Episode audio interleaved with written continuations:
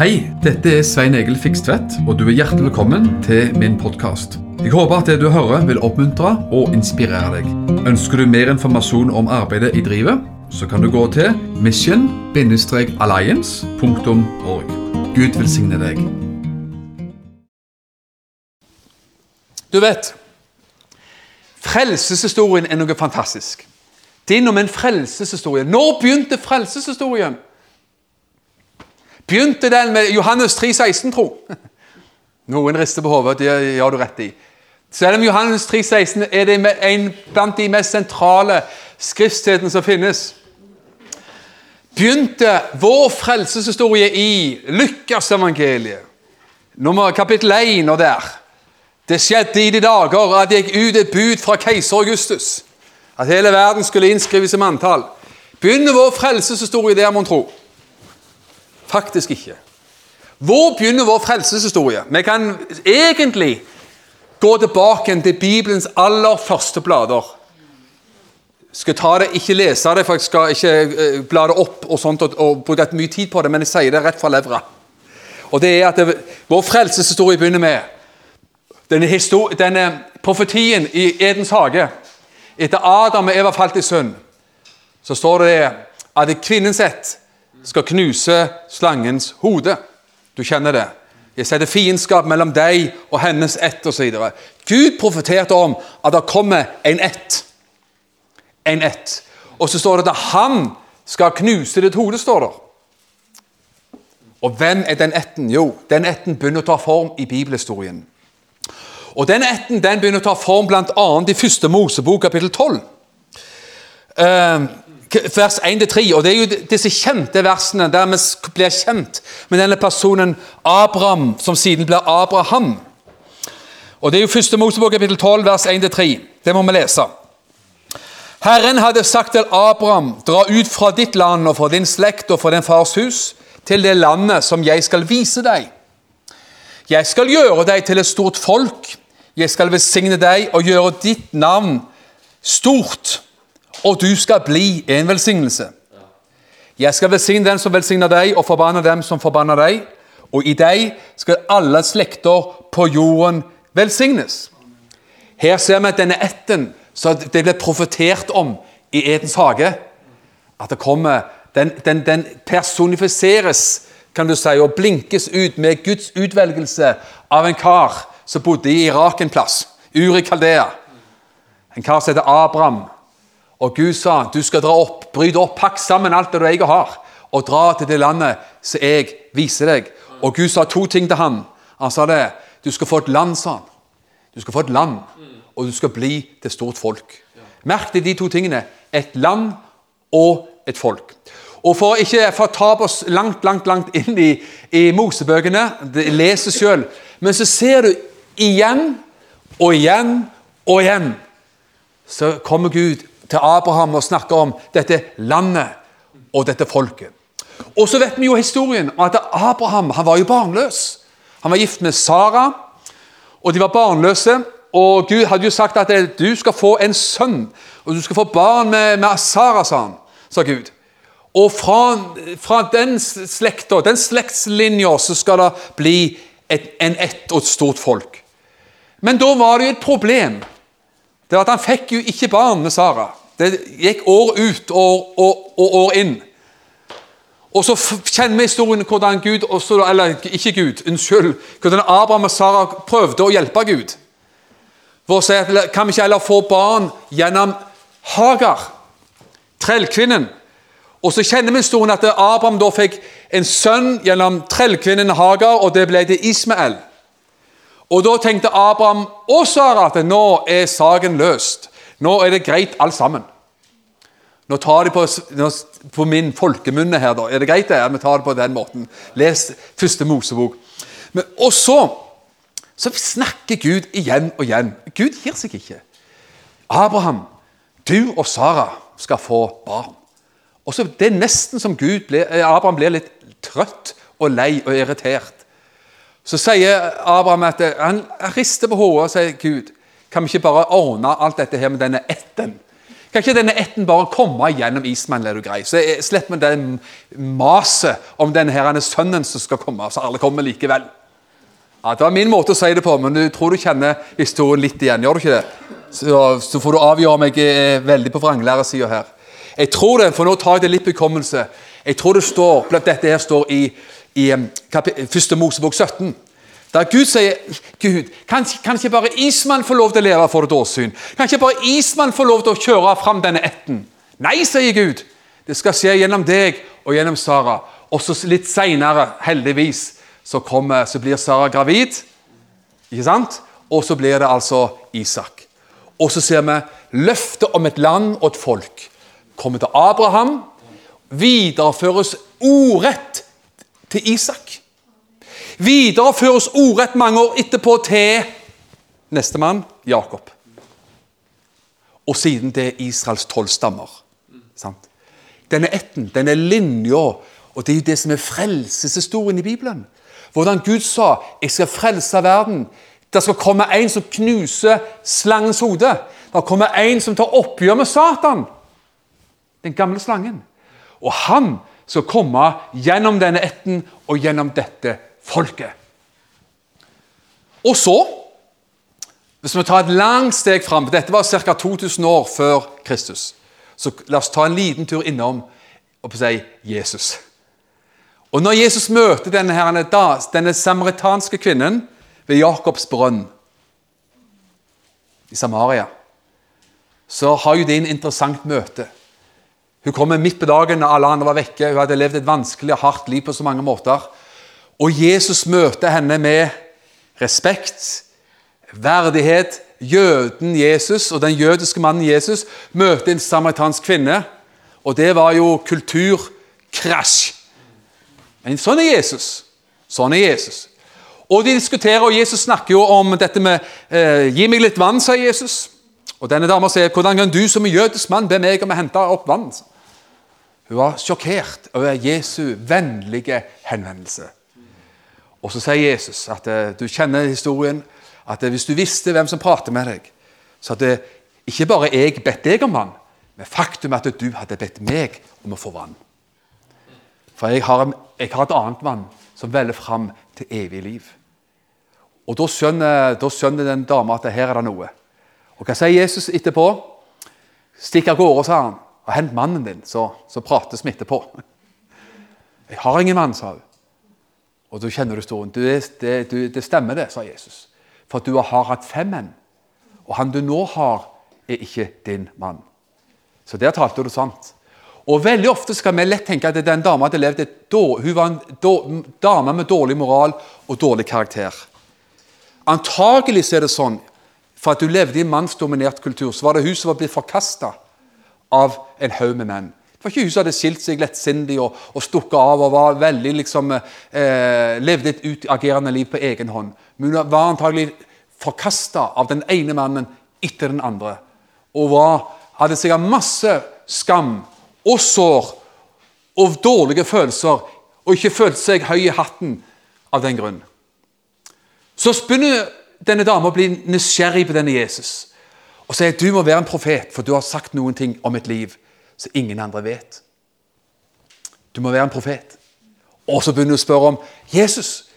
Vi samaritanere vi tilber jo Gud på dette fjellet Garisim. Samaritanerne var jo blandingsfolk mellom jøder og hedningfolk. Og Derfor var de også forakta av jødene. Og De hadde også en blanding at de, de anerkjente noen av de gammeltestamentlige skriftene, mens andre eh, anerkjente de ikke. Så de var en blandingsreligion, om du vil. Og Så sier denne dama til Jesus, hva er rett? Skal vi tilbe Gud på Garisim? Eller er det dere jøder som er rett, som tilber i Jerusalem? Og så sier Jesus noe ganske utrolig. Og da, Jesus behandla jo denne dama veldig fint. Men han var frimodig også. Hørte du hva han sa? Og det er ganske frimodig.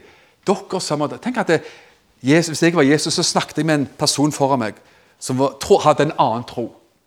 Og Så sier jeg du, tro, du har ikke peiling på hva du holder på med. For vet du hva Jesus sa? Dere samaritanere tilber det dere ikke kjenner. Men vi jøder vi tilber det vi kjenner. Hvis skal få, Svein Egil skal få si det på sin folkelige måte Dere samaritanere har ikke helt peilingen og har det ikke rett. Har ikke fått det rett det, eh, på stell, altså. Men vi jøder, vi har det rett. Tenk, tenk å være så frimodig. Er du enig at det er ganske tøft sagt? Jeg sier ikke at du nødvendigvis skal si det til enhver person, altså, men Jesus sa det. Så sier Jesus, fordi, sa han, frelsen kommer fra jødene. Og Det er veldig viktig å se det.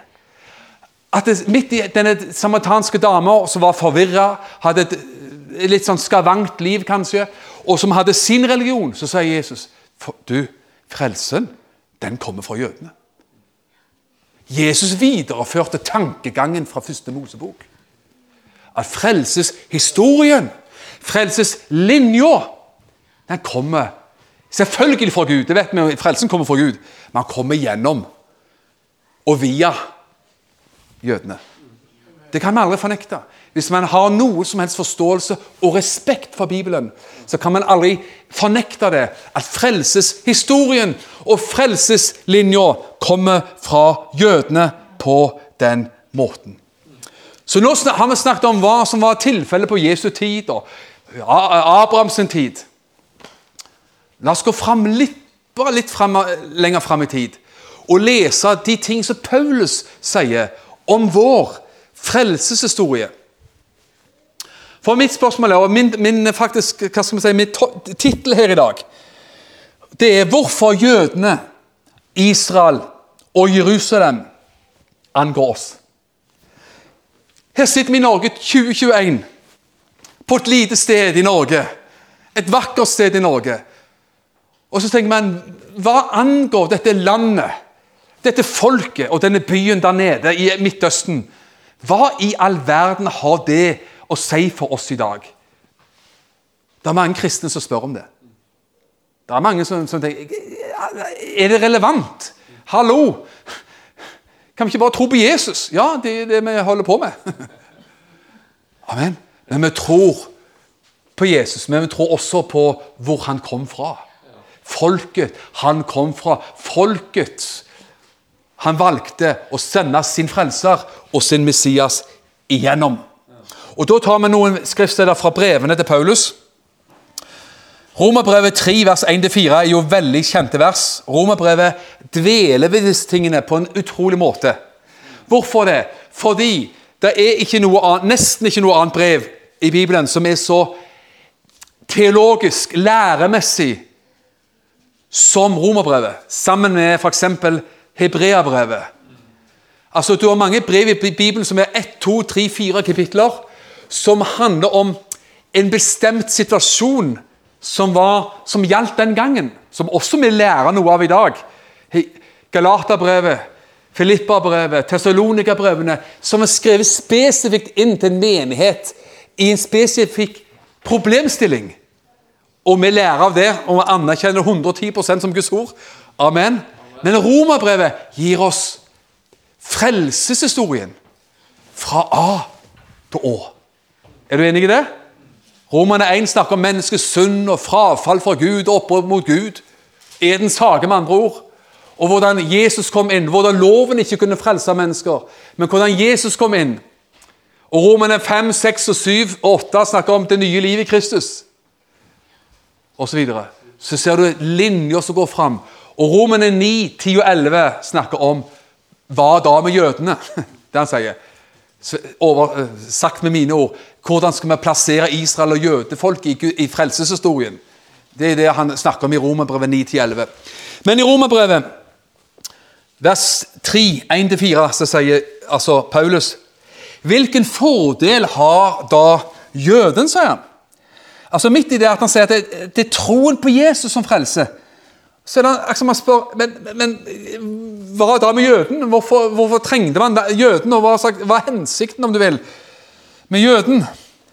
Eller hvilken gagn er det i omskjærelsen? Mye på alle måter, sier han.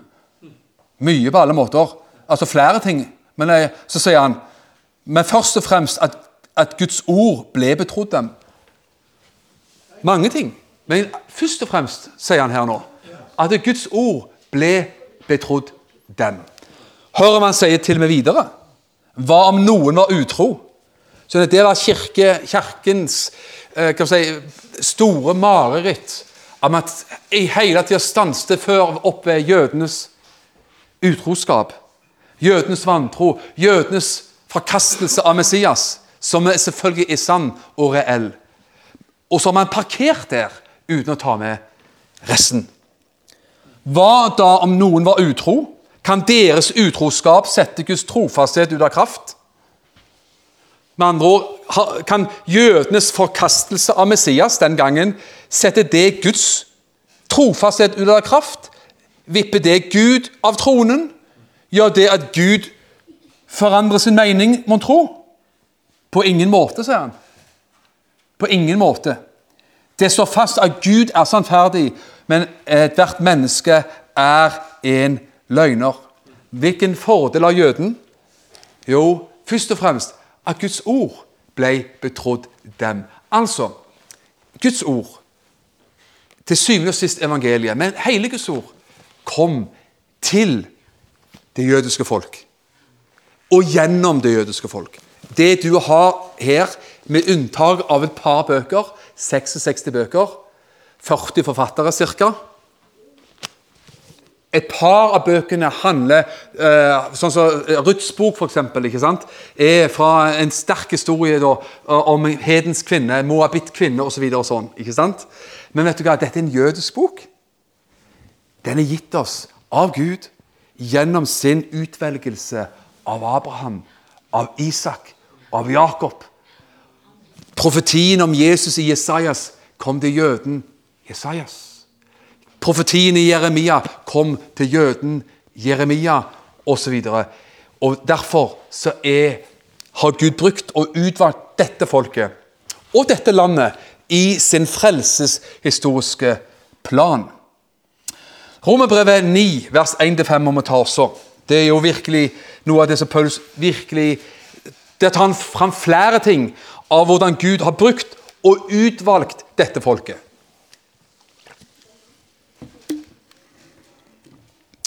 Romerbrevet 9, vers 1-5.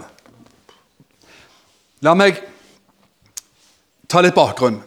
I Romerbrevet 8, Romerbrevet 8 slutten av Romerbrevet 8 så har Paulus en hyldningstale til Guds kjærlighet. Har du lest det? Hvem kan skille oss fra Guds kjærlighet? Den som er i Kristus Jesus. Hvem kan skille oss fra Kristi kjærlighet? Kan nød, forfølgelse, sult, nakenhet, angst. Og så legner Paulus opp med en masse ting. Kan dette skille oss fra Kristi kjærlighet, sier han. Nei.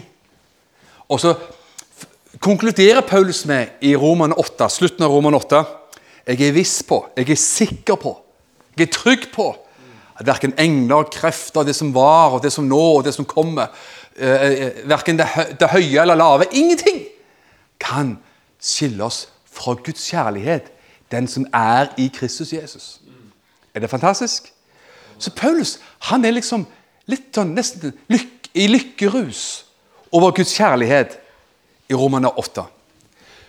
Og så er det litt interessant, og kanskje rart, om du vil, hvordan han snur om i Romane 9,1. Plutselig så får det liksom en annen tone, en annen stemning. For da snakker han plutselig om at jeg har en nød. Jeg har en sorg i mitt hjerte.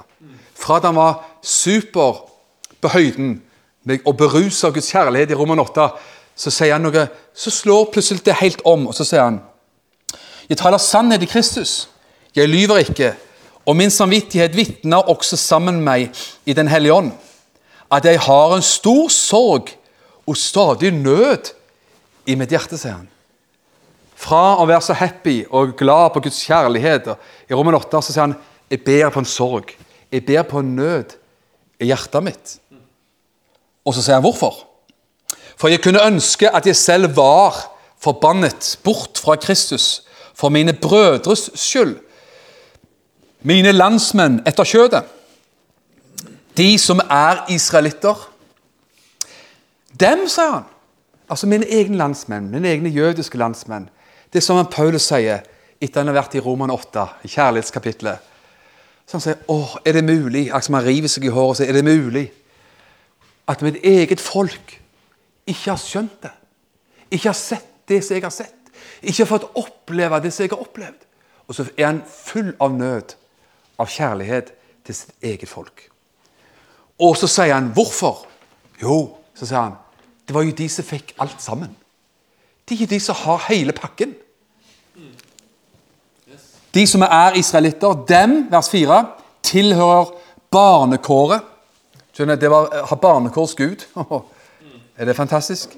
Herligheten, paktene, lovgivningen, gudstjenesten og løftene. Løftene tilhører de. Det ble gitt til de. Vi har fått del i det. sånn, Vi har kommet utenfra og fått del i det. Som en grein som er poda inn på et tre. Også fedrene tilhører dem. Hvem er fedrene? Ja, Det siktet var veldig ofte det Abraham, Isak og Jakob. Og de tolv stammefedrene. Også fedrene tilhører dem. Hvis du trodde det tilhørte deg og meg, så Nei, vi har kommet med etterpå. Også fedrene tilhører dem, og fra dem er Kristus kommet etter kjødet. Skjønner Jesus kom fra dem. Er det noe vi feirer? Ja, om noen måneder er det jul. Det var gøy. Alltid godt med jul. Feirer Jesus komme. Ja, men Jesus kom fra dem. Han kom fra himmelen? Nei, han kom fra dem.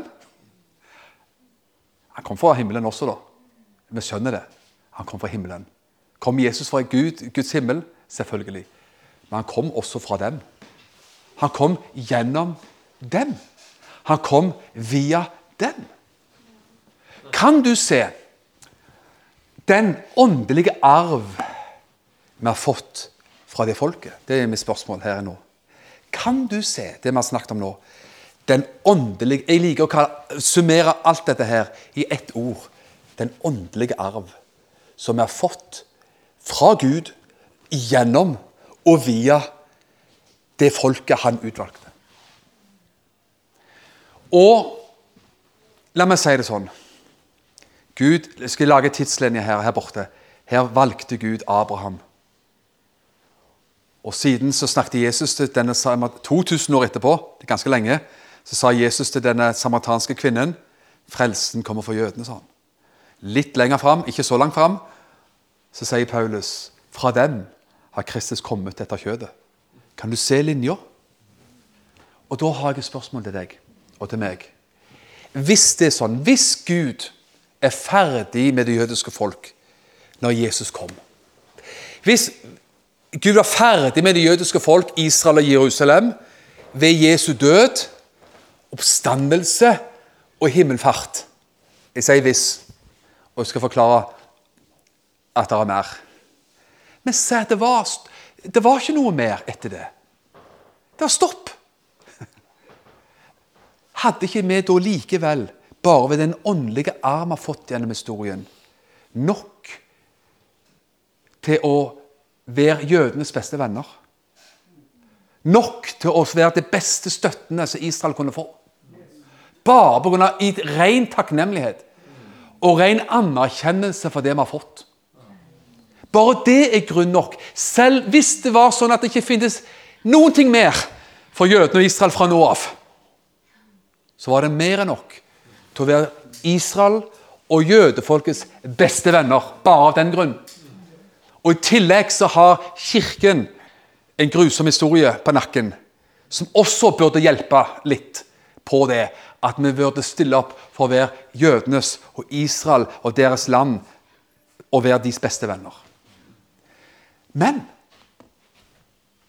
Guds handling og Guds plan og Guds ord og Guds løfter og Guds tanker og alt for israeljødene stoppa ikke ved korset. Ved Jesu død, ved Jesu oppstandelse og ved Jesu himmelfart. Det fortsetter lenger fram. Guds plan med Israel og jødefolket og Jerusalem har ikke stoppa opp. Hvis det hadde stoppa opp, så hadde vi likevel en mengdevis av ting og mengdevis av gode grunner til å være en sann Israel-venn. Men i tillegg så kan vi si uten problem at Gud på ingen måte er ferdig med folket sitt. Og det er kolossalt viktig å se akkurat dette her. Derfor har jeg lyst til å si noen ord også om Israel i framtiden. For da er vi plutselig litt i nåtid, i 2021, og vi også tar og kikker mot en framtid. Vet vi framtiden til punkt og prikke i alle ting? Neppe det. Men ser vi noe? Vi ser faktisk en del.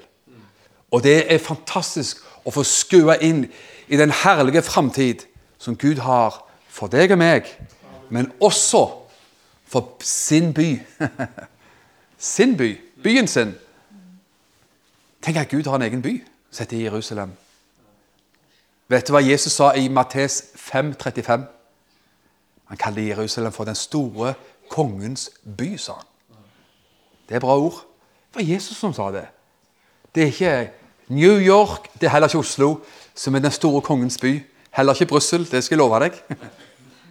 Men Jerusalem er den store kongens by. Og skal du få et spørsmål til her av meg, en, slags en, en logisk slutning. Hvis Gud er ikke ferdig med landet og folket og byen Hvis Gud ikke er ferdig med landet, folket og byen, hvordan kan du og meg tillate oss å være det? Ja, Det er jo umulig. Det burde i hvert fall være umulig. Hvis Gud ikke er ferdig med landet, folket og byen. Hvorfor er Jerusalem Når vi snakker om Jerusalem, så snakker vi også om folket og, og landet. men eh, Kanskje jeg snakker mest om selve Jerusalem nå. Men Jerusalem det er hjertet av det jødiske folk. Det er hjertet av Israel. Du kan ikke ta vekk Jerusalem og si at vi bestemmer at Jerusalem skal være noe annet. Det er en internasjonal by og alt mulig rart. Det går ikke an. Hør en ting. Hvorfor er Jerusalem en sånn omstridt by? Det er ingen annen hovedstad eller by man snakker så mye, at det er så mye dragkamp om. Krig om, bråk om, diskusjon om, forhandling om. Som denne byen. ikke det rart? Du klarer ikke å forstå det. Der er, der er, her er det en logikk som ikke henger i hop. Og man kan ikke forstå det utenom at man kaller det for en åndskamp. Faktisk talt. For det, det, Logikken stopper til et punkt. Og det, det er bare absurd. Det er bare, det er bare sprøtt. Det er bare galskap. Det er bare en slags rar beruselse for folk, for verdenssamfunnet. Og det kalles i bibelske termer gjerne for en åndskamp. Du kjenner til Sakarias 12,3. Det passer så inn i det vi snakker om. På den dagen skal det skje. Jeg skal gjøre Jerusalem til en løftestein for alle folkene. Alle som vil løfte henne bort Løfte henne bort! Fjerne henne! Man ønsker å ta Jerusalem ut av fanget, ut av hendene på Israel og jødiske folk og få den slags skyld ut av hendene på Gud. Alle som vil løfte henne bort, skal sannelig bli flerret opp, selv om alle jordens folkeslag er samlet mot henne. Vet du hva, La meg påstå en ting. En gang der framme, et jødisk Jerusalem skal en gang ønske sin Messias velkommen. Halleluja. Du kjenner jo det enkle linja i den apostolske trosbekjennelse, som er en fin bekjennelse som en kristen har bekjent seg til hundrevis av år, skal derfra, fra himmelen, komme igjen for å dømme levende og døde. Jesus kommer igjen. Og Grunnen til at det er en kamp om Jerusalem, det er at det er Jesus det byen til Gud. Det er den store kongens by. Og det er ikke alle som liker det. Og han Tenk deg på den byen da. Der kom Jesus. Der profeterte Jesus. Der framfor alt døde han for vår synd. Der sto han opp igjen for de døde. Fra den byen dro han til himmelen. Og vet du hva? Til den byen kom han en gang tilbake. Er det rart at det fins så kamp og så mye spetakkel rundt denne fantastiske byen? Skal høre litt flere ting. Lukas 21, 24. Kjente vers om når Jesus profeterer om de siste tider, det som skulle skje framover i tid. Og så snakker han om de skal falle for sverdets egg og bli bortført som fanger til alle folkeslag. Og Jerusalem skal være nedtrampet av hedninger inntil hedningenes tider er oppfylt eller er forbi. Hør, I Bibelen så finner man to klart to beskrevet adspredelser, diasporer, diasporer fra, fra, eh, av det jødiske folk. At man skulle bli adspredt og sendt bort fra Jerusalem og fra Israel. Det skjedde jo ca. 600 år før Kristus, når man ble tatt til fange og ført til Babylon av kong Nebukadnesar. Der var Israel, jødene da ca. 70 år, og så fikk de komme tilbake igjen. Og Det er jo gripende å lese i Nehemja og Ester og Esra, disse bøkene som handler om jødens gjenkomst, og, og når de også var i fangenskap og alt det der. Hvordan Gud var med, hvordan Gud ledet osv. Men her sier Jesus, mange år etterpå, at det kommer en ny adspredelse. Det kommer et nytt om du vil, slags fangenskap. At folket igjen skulle bli spredt, sier han. For han sier Jerusalem, at det man skal falle for sverdets egg og bli bortført som fanger til alle folkeslag. Det skjedde i år 70. Det fikk det virkelig sin, sin fart på, på, akkurat det der. sånn. Sant? Når Jerusalem ble, knust, omringet og knust. Og Jerusalem skal være Og så sier han altså, med andre ord så skal dette foregå. Jerusalem skal være nedtrampa, slagen, i hedningenes hender. Inntil hedningens tid tider er oppfylt eller er forbi. Altså, Jerusalem skulle være eh, nedtråkka, ute av jødenes hender, i hedningenes hender, inntil Vet du hva? Ordet 'inntil' er et bra ord. For det, sier, det binder to ting sammen. Noe skal være en tilstand, noe skal foregå helt fram til et punkt. Og så vet vi noe at eh, eh, når Israel ble oppretta, så fikk man først Vest-Jerusalem i 1948. I 1967 så fikk man hele Jerusalem i seksdagerskrigen. Da ble hele Israel, hele Jerusalem, eh, eh, kom under jødenes eh, hender og, og, dominans og kontroll osv. Og, og så tenker man ja, men da, da skulle jo Jesus kommet igjen for lengst. ja, men vet du hva? De profetiske ord skjer ikke fra en dag til en annen. Det er en glidende overgang. Nå er vi i oktober, og vi vet jo at hver dag så blir det litt mørkere om morgenen og litt mørkere om kvelden. Og litt og litt og litt kaldere. Det er ikke sånn at det, når august var over, så sier Gud i himmelen at nå er det, nå er det høst, så nå skrur vi på frost. På nettene fra 1.9. så er det frost. Det ser gradvis. Det ser gradvis. Og vet du hva, Det profetiske ord skjer, oppfylles gradvis. Og jeg mener at det var særdeles viktig milepæl når USAs tidligere president erklærte og sa at Israel, nei, Jerusalem er Israels hovedstad. Ferdig snakka. Punktum. Utropstegn. Ikke noe mer å prate om. Sånn er det bare fra nå av. Og vi flytter herved vår ambassade fra Tel Aviv til Jerusalem. Det var en viktig historisk og politisk milepæl.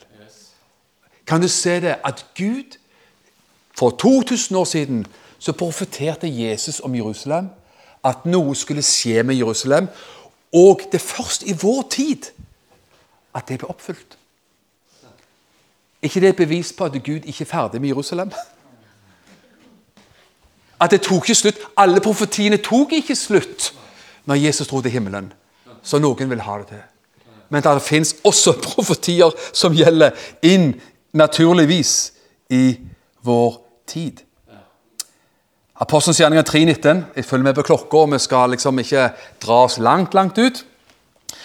Men jeg har lyst til spesielt dette siste punkten her, nemlig at eh, Gud ble ikke ferdig med Jerusalem, Israel og jødefolket ved himmel, Jesu himmelfart. Selv om det var viktig. Han kom igjen. Skjønner, Frelseshistorien ble jo ikke ferdig avslutta ved Jesu død, oppstandelse og himmelfart. Forsoningen ble avslutta. Forsoningen ble fullført. Frelses, altså forsoningsverket. Men vår frelse er ikke fullført med hjemme i himmelen. Er du enig i det? Ja. Så skjønner Gud arbeider videre på frelsesplanen sin. Apostelens gjerninger 3, vers 19-21. Og Da er det Peter som preker et kraftfullt budskap. Til hvem og hvor? Han preker et budskap, evangelisk budskap til sine landsmenn, jødene, i byen Jerusalem. Og Da sier han derfor få et nytt sinn og vend om, så deres synder kan bli utslettet, og fornyelsestider kan komme fra Herrens åsyn. Det gjaldt der og da. Bli frelst. Bli født på ny. Få et nytt liv. Opplev det godt å være et barn av Gud. Sånn som du og vi kan si av hele vårt hjerte, som vi hørte veldig bra her av pastoren tidligere her. Og så står det etterpå, vers 20, og han kan sende Jesus Kristus. Gud skal sende Jesus Kristus. Ja, men, men, men, men har han ikke allerede sendt Jesus, da?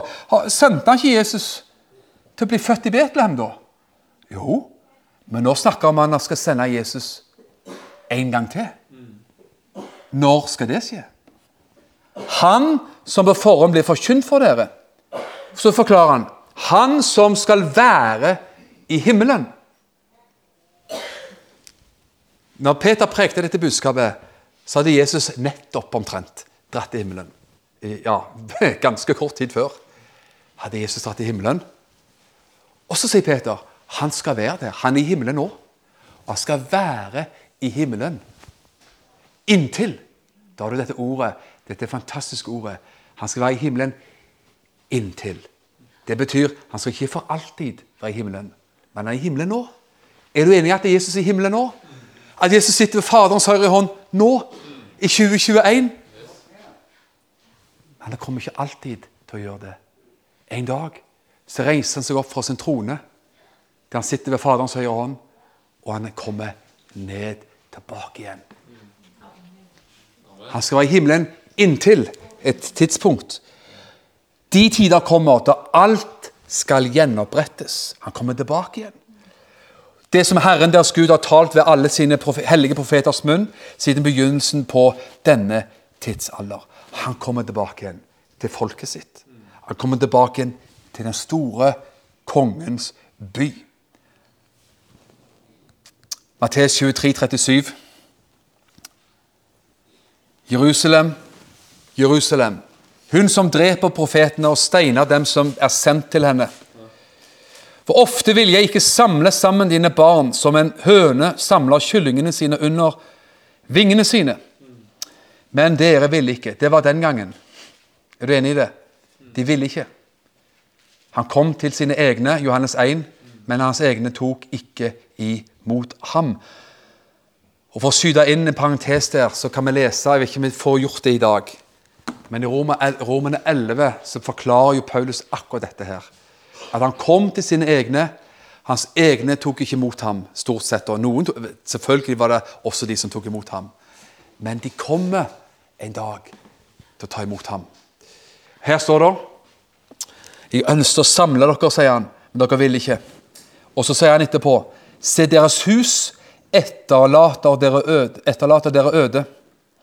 For jeg sier dere, dere skal ikke se meg mer før dere sier, velsignet være Han som kommer i Herrens navn. Så Jesus sier, dere skal ikke se meg mer før en gang, men en gang lenger fram. Som om, la meg si det med mine ord. Det er som om Jesus sier Jesus gråt. Jesus hadde nød for sitt folk. Jeg skulle ønske, jeg har så lyst til å samle dere sånn. Dere vil ikke. Men neste gang vi ses, så vil dere. Dere vil ikke nå. Men neste gang så blir det annerledes. Denne gangen så vil dere ikke ha noe med meg å gjøre. Men neste gang skal dere si 'velsignet være Han så kommer i Herrens navn'. Kan du se det? At det kommer noe lenger fram mellom Jesus og Jerusalem, mellom Jesus og jødefolket, mellom Jesus og Israel. Kolossalt viktig å se de tingene der. Hva skal vi mer si? Skal vi lese kanskje det siste verset her, og så skal vi ikke kanskje gå lenger enn som så? Apostelens gjerninger 1.9. Apostelens gjerninger 1.9, vers 9-12.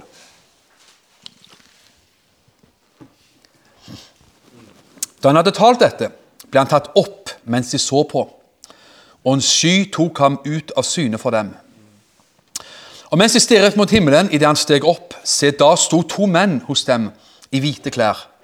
Og de sa, galileiske menn, hvorfor står dere og stirrer opp mot himmelen? Den samme Jesus som ble tatt opp, dere, fra, eh, opp fra dere til himmelen, skal komme igjen på samme måte som dere så ham fare opp til himmelen. Da dro de tilbake til Jerusalem fra det stedet som er kalt Oljeberget, som er i nærheten av Jerusalem, en sabbatsreise derfra. Kan du se det? Den samme Jesus som for opp fra Oljeberget, rett ut forbi selve Jerusalem, skal også komme tilbake igjen. Skjønner, Gud er ikke ferdig med sitt folk. Og det er igjen mitt enkle spørsmål og min enkle logiske slutning. Hvis Gud, og det har vi prøvd å bevise her i kveld Hvis Gud ikke er ferdig med sitt folk, kan vi da bare sitte og, og liksom tvinne tommeltotter og, og, ikke bry oss? Det angår oss. Det bryr oss, for det er den samme Jesus. Det er vår Jesus. Det er der i den byen han døde for oss. Og der kommer han igjen, og han vil også da regjere som konge i det messianske riket. Skjønner du, Det angår oss. Og Da er spørsmål helt sånn mot slutten her hvordan skal det bry oss? Hvordan skal det angå oss? Hvordan skal det engasjere oss?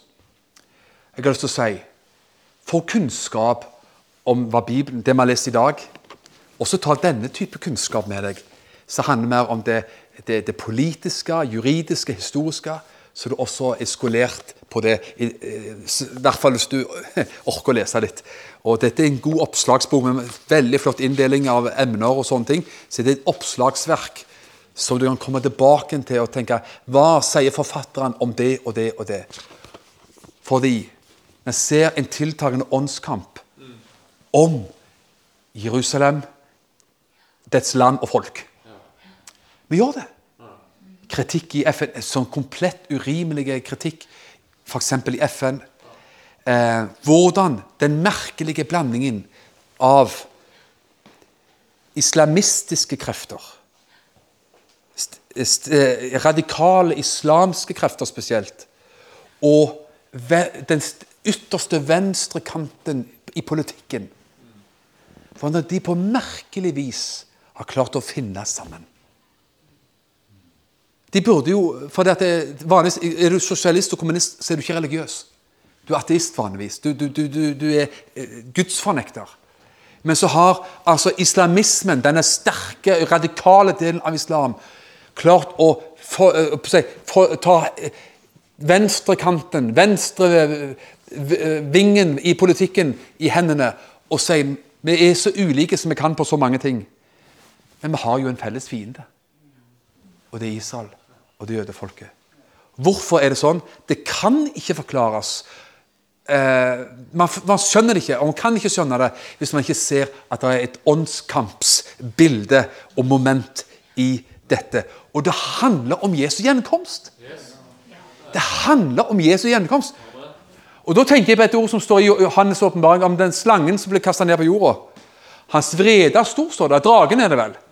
Hans vrede er stor fordi han vet han har en kort tid igjen. La oss be alltid, hver dag, om fred for Jerusalem. Og Når jeg sier Jerusalem, så mener jeg også land og folk. Alle, alt sammen. Hele pakken. Be om fred for Jerusalem. Be om beskyttelse. Sier Jesus, du kommer igjen. Den, by, den byen, byen, bryr meg mer enn alle andre byer. Han har mer betydning i mitt liv.